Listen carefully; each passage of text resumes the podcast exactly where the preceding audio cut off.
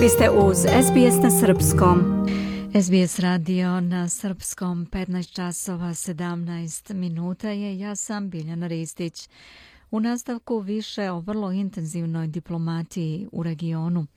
Premijer Australije juče se sastao sa predsjednikom Indonezije Jokom Vidodom, nagoveštavajući šta su prioriteti njegove vlade kada je u pitanju situacija u regionu. Njemu je priređen topao doček, a on se obavezao na zajednički angažman sa tom nacijom tokom prelaska na čistu energiju i da će podržati njen ekonomski razvoj, piše Krišani Danji za SBS News. Svečani doček, velika povorka, rukovanje i vožnja biciklom. Antoni Albanizi, predsjednik Indonezije, Joko Widodo sastali su se u prestonici Džakarti u nastojanju da prodube veze između dve nacije. Prioritet svakog australijskog premijera od mandata Paula Kittinga bio je da poseti naciju jugoistočne Azije, a Anthony Albanese kaže da fokus njegove vlade nije ništa drugačiji. Indonezija je na putu da bude jedna od pet najvećih svetskih ekonomija. Revitalizacija naših trgovinskih i investicionih odnosa je prioritet za moju vladu, kaže on. Dvojica lidera zajedno su zasadili ceremonijalno zimzeleno drvo Camphor Lovor pre nego što su seli na bicikle da se provozaju po vrtovima palate. Prema tradiciji, bicikli su u Indoneziji simbol skromnih početaka. Sasvim odgovarajuća simbolika, pošto je predsjednik Vidodo prvi izabrani lider koji nije došao iz elitnih političkih ili vojnih krugova, a Anthony Albanese nikad nije krio da je detinjstvo proveo sa samohranom majkom u socijalnom stanu.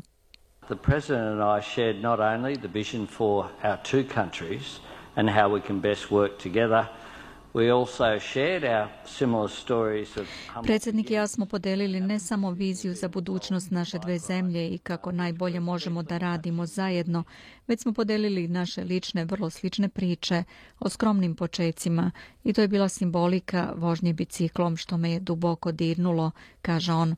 To je prvi bilateralni sastanak na kojem je Albanizije učestvovao otkako je preuzeo čelnu funkciju na nivou federacije. Predsjednik Joko Widodo je pozdravio posetu. Srećan sam što ste u svoju prvu zvaničnu posetu došli u Indoneziju i to samo dve nedelje nakon što ste položili zakletvu kao 31. premijer Australije. To pokazuje dobre odnose između naša dva naroda, rekao je on. Razgovori na visokom nivou obuhvatili su trgovinu investicije sa fokusom na klimatske promjene i energiju, ali diplomatske tenzije u regionu također ostaju ključno pitanje i indonežanski predsjednik je izrazio volju da održi regionalni mir i bezbednost.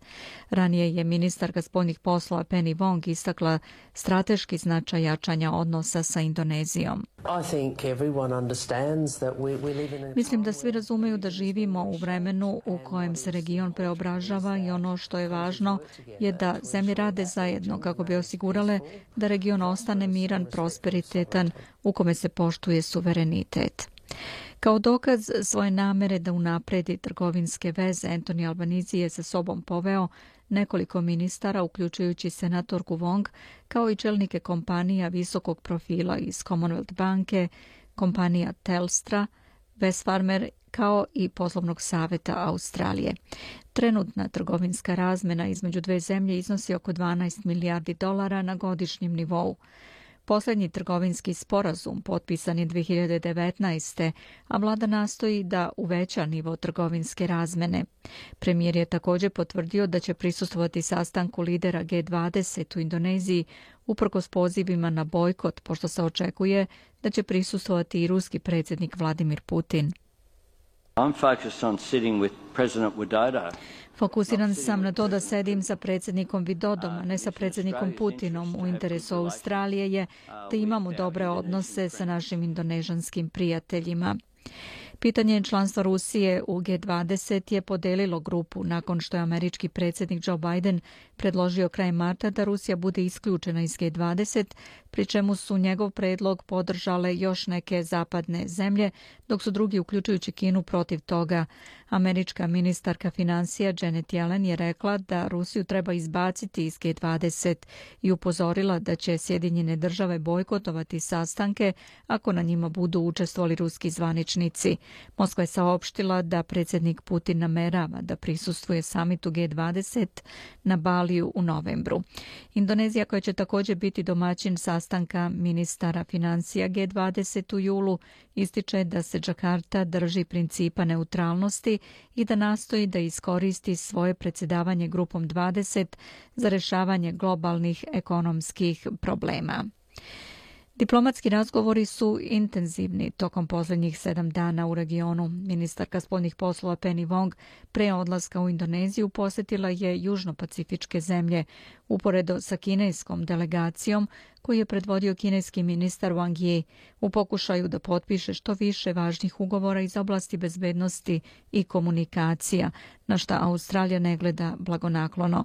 Wang Yi je turneju završio posjetom Istočnom Timoru, gde je potpisao ekonomske sporazume, ali, kako kaže predsjednik te zemlje, gde Australija ostaje partner broj 1 kada je reč o odbrambenim pitanjima, pišu Kat Landers i Claire Slattery za SBS News. Taj prilog pripremio je Zoran Supić. Da čujemo.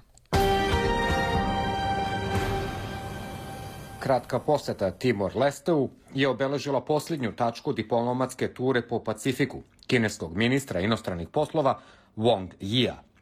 U glavnom gradu Diliju Wong se susreo sa ministrom Istočnog Timora, Adalizom Magnoom, i potpisali su bilateralni sporazum u vezi ribarenja, vode, zdravstvene nege i sanitacije. Gospođa Magno je potencirala dugoročno prijateljstvo te dve zemlje. Premijer ceni prijateljstvo i podršku između Kine i Istočnog Timora. Premijer je rekao da prijateljstvo nije otpočalo nakon uspostavljanja nezavisnosti, već je građeno stotinu godina. Ključno je da predsjednik Timor-Lesta, Jose Ramos Horta, kaže da sporazum vredan 14 miliona dolara nije u odnosu bezbednosti. Well, the, uh, agreement signed with uh, China, in fact, some uh, ongoing... Sporazum potpisan sa Kinom je deo sporazuma u posljednjih 20 godina, po kojima Kina pruža podršku u sektoru agrikulture, infrastrukture, tehnološke podrške. Nema veze sa teritorijalnom bezbednošću i vazdušnom bezbednošću, već primarno sa ekonomijom. Gospodin Ramos Horta je ponovio važnost odnosa njegove zemlje sa Australijom. Činjenica je kada pogledate šire odnose Timora sa drugim državama kao Australija, Australija ostaje naš broj jedan partner u odbrani i bezbednosti, kao i bezbednosti u ekonomiji, kao donator. Imamo više dnevnih veza sa Australijom nego sa bilo kojom drugom zemljom. Gospodin Ramos Horta je čak otišao toliko daleko da bi ukazao da je Australija bila ta koja je Timor stavila pod rizik u njenim odnosima sa Kinom. Well, you know, if anything, if anything, if anyone should be concern about Chinese influence is uh, Timor-Leste. Ako bi neko trebao da bude zabrinut o uticaju Kine, to je Timor-Leste u vezi kineskog uticaja u Australiji. Australija je stavila pod zakup luku Darwin, veoma osetljiva luka za Kinu u posljednjih 90 ili 100 godina. Mi čak i nemamo kredit sa Kinom. Put u Timor zaključuje Wong Yijevu diplomatsku turneju koja nije uspela da zaključi ključnu tačku i nameru, a to je multilateralni sporazum bezbednostnog pakta sa deset južno-pacifičkih nacija. Iako je turneja rezultirala u mnogim bilateralnim sporazumima, neke pacifičke zemlje su rekle da se osjećaju kao da im se ubrzano nameće predloženi bezbednostni pakt. Ali analitičar univerziteta Deakin, Damien Kingsbury, kaže da Kina uopšte nije odustala od ovog plana. Igraju igru na duže staze.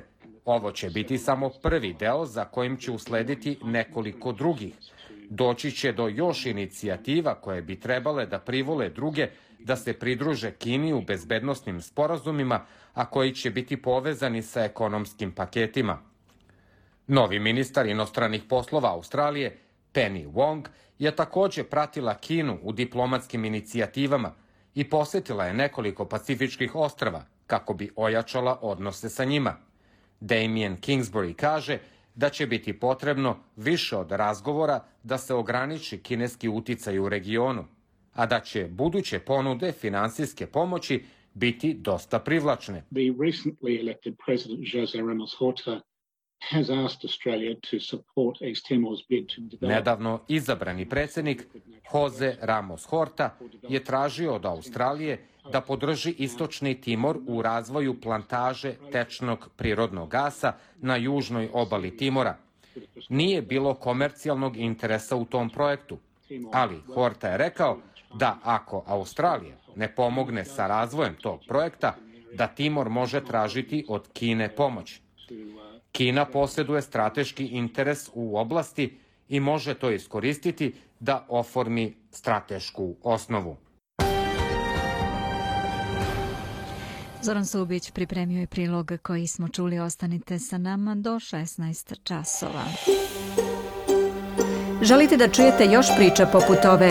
Slušajte nas na Apple Podcast, Google Podcast, Spotify ili odakle god slušate podcast.